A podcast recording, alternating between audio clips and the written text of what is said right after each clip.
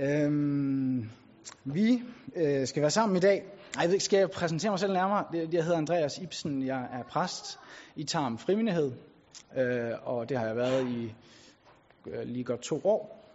Og jeg er 33 år og er gift, og vi har tre piger og en kat. Og øh, så er jeg, jeg er oprindeligt fra Bornholm, men øh, yeah. Men nok om mig og min kat. Øhm, vi skal være sammen i dag om øh, en tekst fra Romerbrevet, kapitel 5, som, øh, nu skal jeg selv lige finde den her. Romerbrevet kapitel øh, 5, vers 1-11. Jeg synes, vi skal rejse os og høre, hvad Gud taler til os. Da vi nu er blevet gjort retfærdige af tro, har vi fred med Gud ved vor Herre Jesus Kristus. Ved ham har vi i troen fået adgang til den nåde, som vi står i, og vi er stolte af håbet om Guds herlighed. Og ikke alene det, vi er også stolte af vores trængsler, fordi vi ved, at trængslen skaber udholdenhed, udholdenheden, fasthed og fastheden håb. Og det håb gør ikke til skamme, for Guds kærlighed er udgydt i vores hjerter ved Helligånden, som er givet os. For mens vi endnu var svage, døde Kristus for ugudelige, da tiden var inde. Der er næppe nogen, som vil gå i døden for en retfærdig. Måske vil man våge livet for en, som er god. Men Gud viser sin kærlighed til os ved, at Kristus døde for os, mens vi endnu var syndere. Så meget mere skal vi, der nu er blevet gjort retfærdige i kraft af hans blod, ved ham frelses fra vreden. For mens vi endnu var hans fjender, blev vi forligt med Gud ved, at hans søn døde. Så skal vi så meget mere, når vi er blevet forlit med Gud, frelses ved, at han lever. Og ikke alene det, vi har også vores stolthed i Gud ved vor Herre Jesus Kristus. Ved ham har vi nu fået forligelsen. Herre, det var dit ord, og nu beder vi om, at du vil åbne det for os og lade det skabe troens liv i vores døde hjerter. Amen.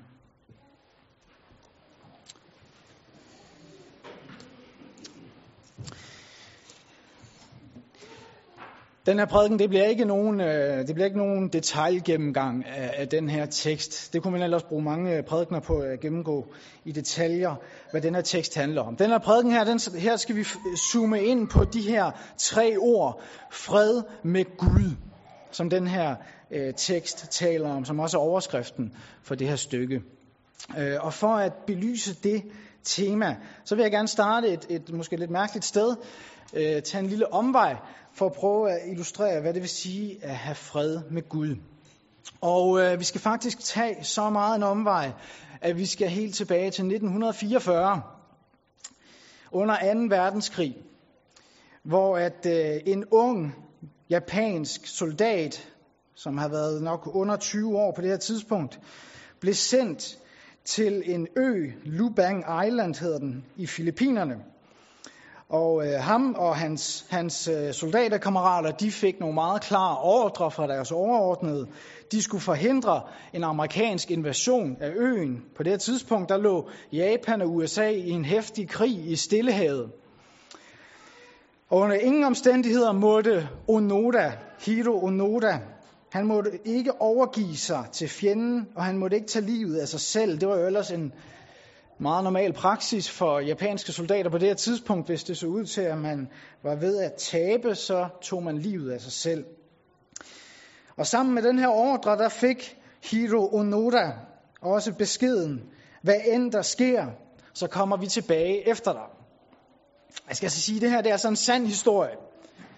Da jeg først læste den her historie, så troede jeg, at det var løgn, men den er altså sand, og nogle gange så overgår virkeligheden fiktionen. Nå, nu kommer nu skal vi videre ind i historien her. Den første del af den her ordre, som de fik, gik det ikke særlig godt med. Allerede to måneder øh, efter de var ankommet til øen, der invaderede amerikanerne øen, og langt de fleste japanske soldater, de blev fanget eller de blev dræbt. Men ikke Hiro Onoda, som sammen med tre andre overlevende soldater trak sig tilbage øh, til bjergene ind i junglen på den her ø, hvor de fortsatte med at udøve guerillaangreb på amerikanerne.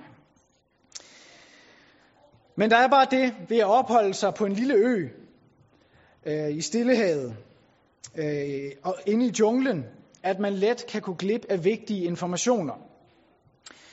Og øh, Hiro Onoda og hans tre kammerater, de gik glip af den information, at USA afsluttede 2. verdenskrig ved at smide to atombomber over byerne Hiroshima og Nagasaki, hvilket tvang den japanske kejser til at overgive sig.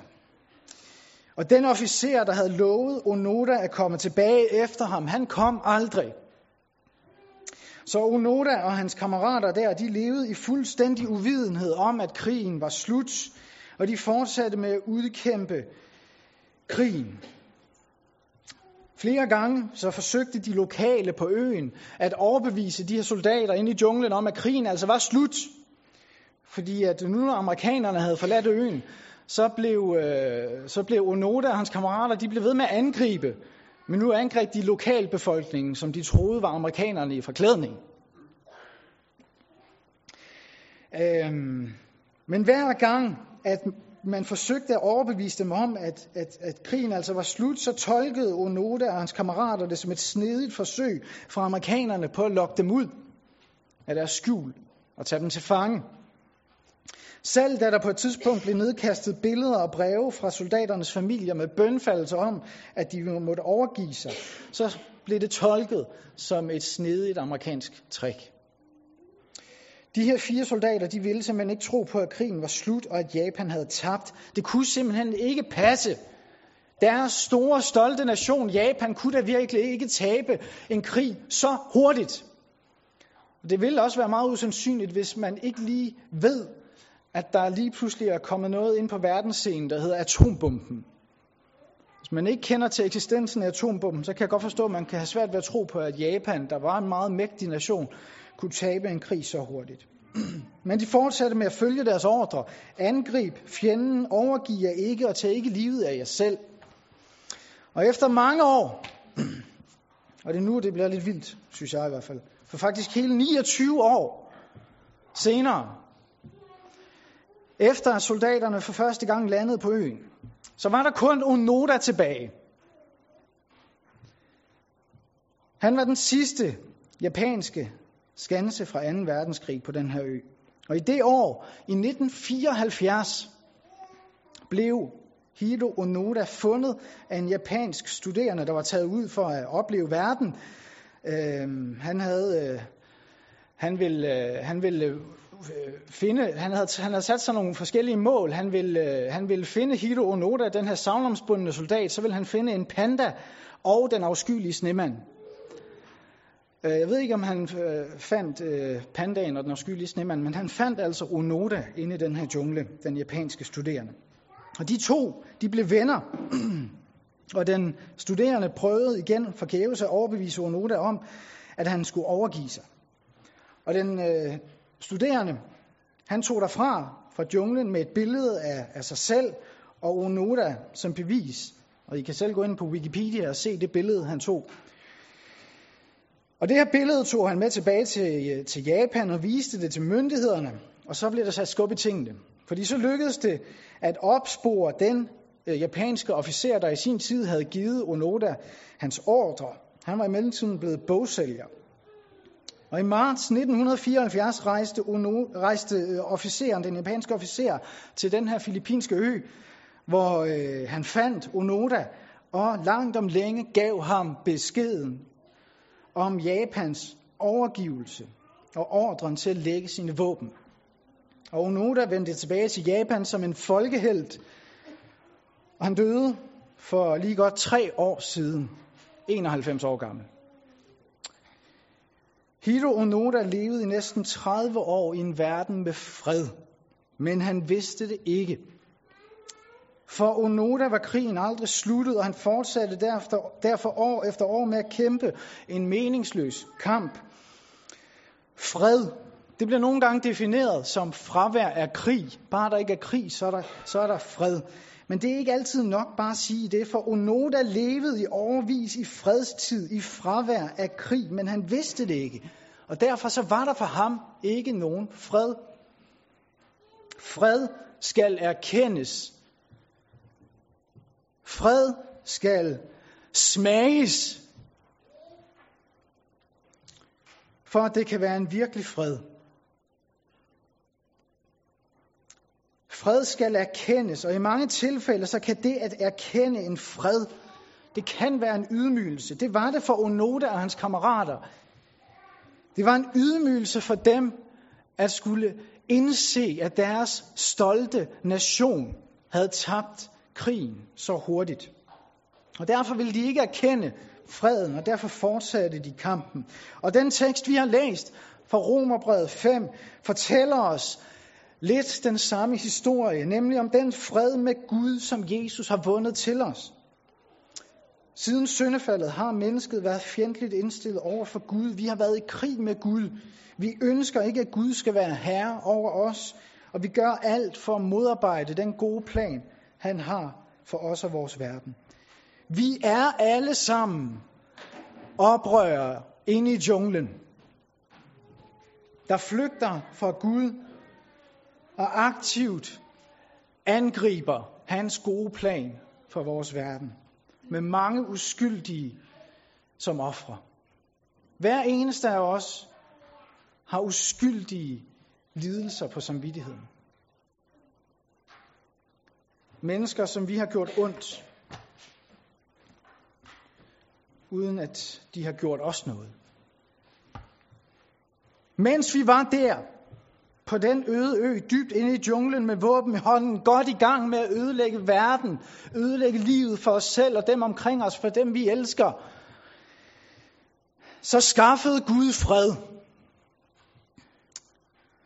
Amerikanerne, de skaffede fred ved at smide atombomber over Hiroshima og Nagasaki, hvor tusindvis af mennesker blev dræbt. Gud skaffede fred på en anden måde.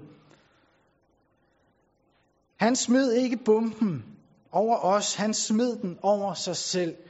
Gud viser sin kærlighed til os ved, at Kristus døde for os, mens vi endnu var syndere. Jesus tog straffen for min synd og al mit oprør. Han tog den straf i stedet for mig. Gud så os løbe rundt ind i junglen og ødelægge livet for hinanden og ødelægge verden. Og Gud kunne med fuld ret have skaffet fred ved at smide bomben over junglen, over os. Og dermed udrydde kilden til ondskab i den her verden, nemlig menneskehjertet. På den måde kunne Gud på en utrolig effektiv måde have skaffet kosmisk fred.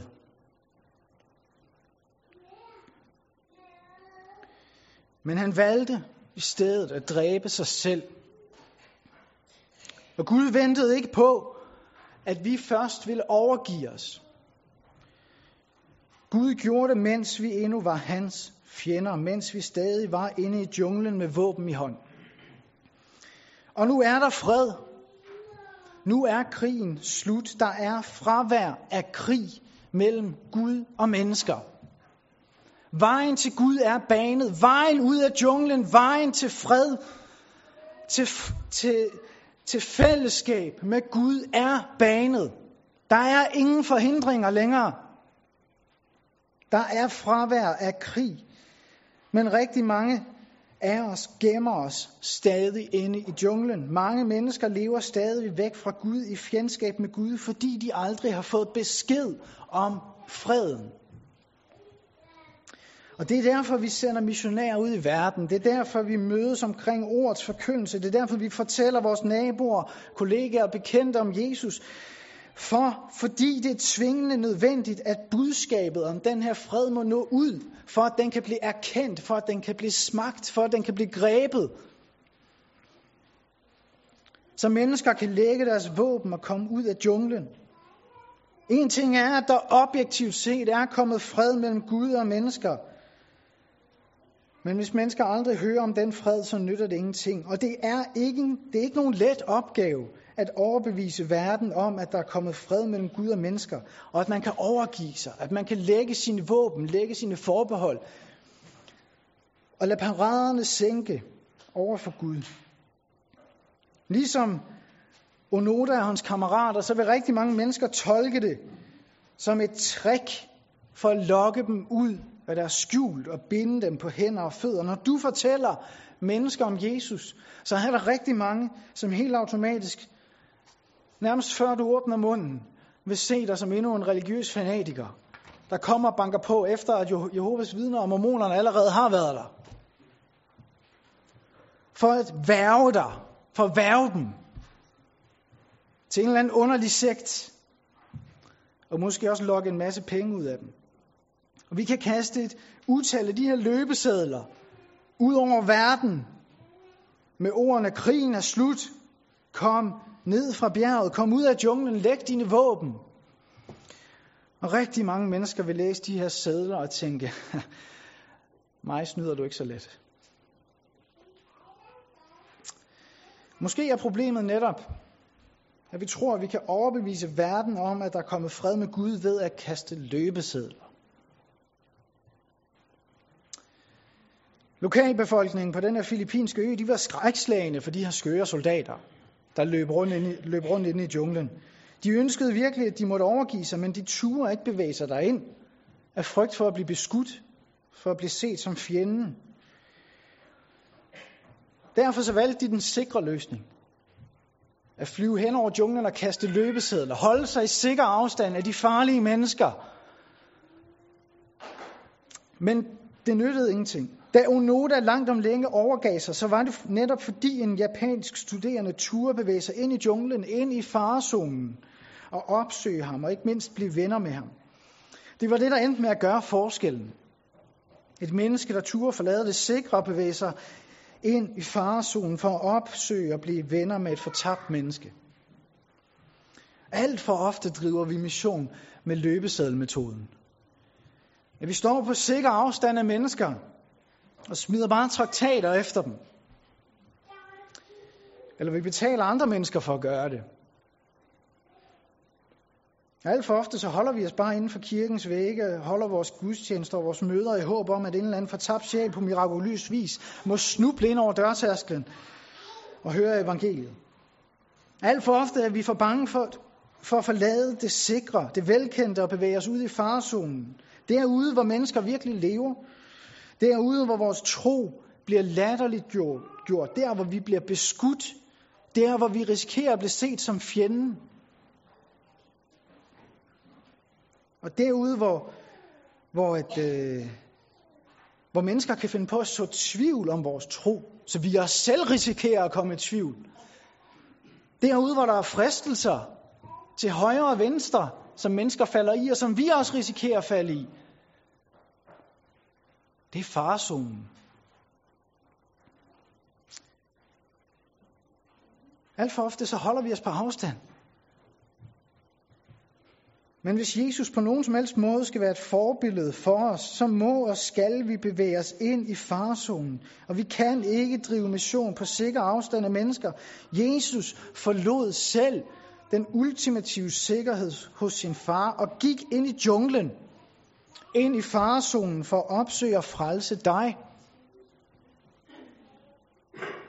Jesus gjorde det, som den japanske studerende gjorde, og det endte med at tage livet af ham. Og vi må med Jesus som forbillede gøre det samme. Og opsøge mennesker der, hvor de er. Vi må gå derud, hvor vores tro bliver angrebet, hvor vi bliver beskudt, hvor vi bliver latterliggjort, hvor mennesker bliver fristet og falder i synd. Gør vi ikke det, så vinder vi ikke mennesker, så kan vi ikke overbevise mennesker om, at der virkelig er kommet fred mellem Gud og mennesker.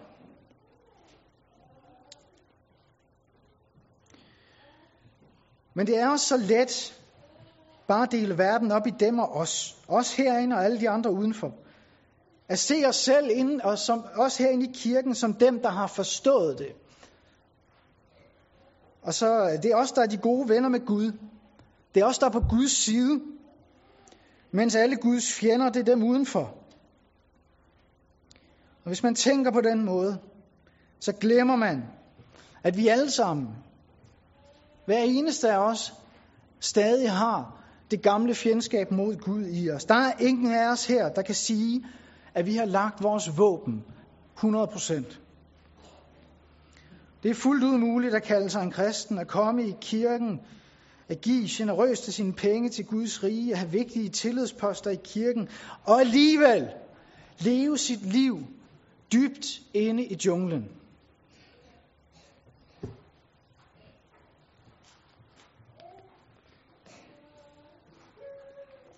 Alle mennesker har et eller andet våben i hånden, som vi bruger til at holde Gud på afstand med, og som vi ikke vil opgive. For rigtig mange mennesker så er det våben stolthed. Stoltheden, der afholder os fra at smage den fred, som er vundet. Fordi vi ikke vil overgive os. Fordi vi ikke vil erkende, at vi har tabt krigen. Og at vi ikke har en mulighed end at overgive os og kaste os i armene på ham, der før var vores fjende, og bede om tilgivelse. For Onoda og hans venner var det, var det den stolthed, der holdt dem fra at indrømme deres nederlag. Og for hver eneste af os, så indebærer det at overgive sig, at se i øjnene, at der er noget i mit liv, der ikke er, som det burde være. At jeg ikke kan være herre i mit eget liv. Det at overgive sig til Gud betyder en ydmygelse for mig.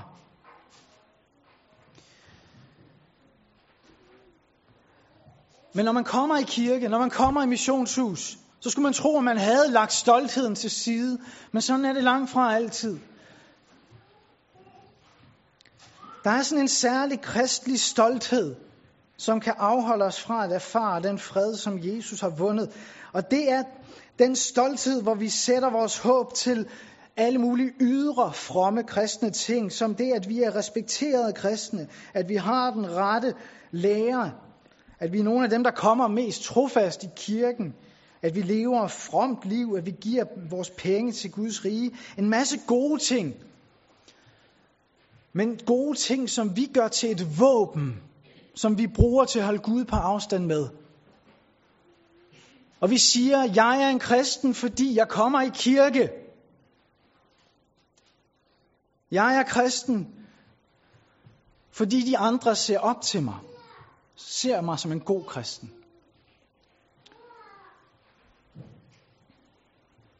Og så siger man ikke længere, at jeg er kristen, fordi jeg har tabt. Fordi Gud har vundet en gang for alle. Men jeg er kristen, fordi jeg kan finde ud af at kæmpe. Jeg kan finde ud af at gøre. Jeg kan finde ud af at være.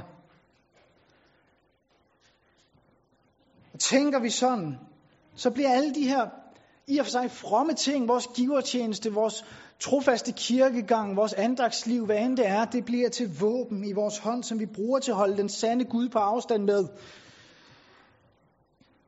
Fordi vi ikke vil opgive vores stolthed over, hvor gode vi er til at være kristne, så lever vi stadig inde i junglen, væk fra Gud, uden virkelig fred med Gud. Så kan det godt være, at Gud har sørget for at skaffe fred mellem os og ham, men vi lever ikke i den fred. Vi lever i en from, kristelig krig med Gud. For der er ingen, selv ikke Gud, der skal komme og tage min fromhed fra mig. Der er ingen, selv ikke Gud, der skal komme og tage min stolthed over at være en respekteret og alvorlig kristen fra mig. Men hvis vi ikke vil lægge våbnene hvis vi ikke vil opgive vores stolthed, så vil vi aldrig erfare den fred med Gud, som Romerbrevet kapitel 5 forkynder. Så bliver Romerbrevet kapitel 5 ikke mere en teori for os. Så bliver det en løbesæde, vi står med i hånden, og læser teksten, og kan måske godt forstå den med dybt i vores hjerter, så siger vi ved os selv, mig nar du ikke. Jeg har stadigvæk min fromhed.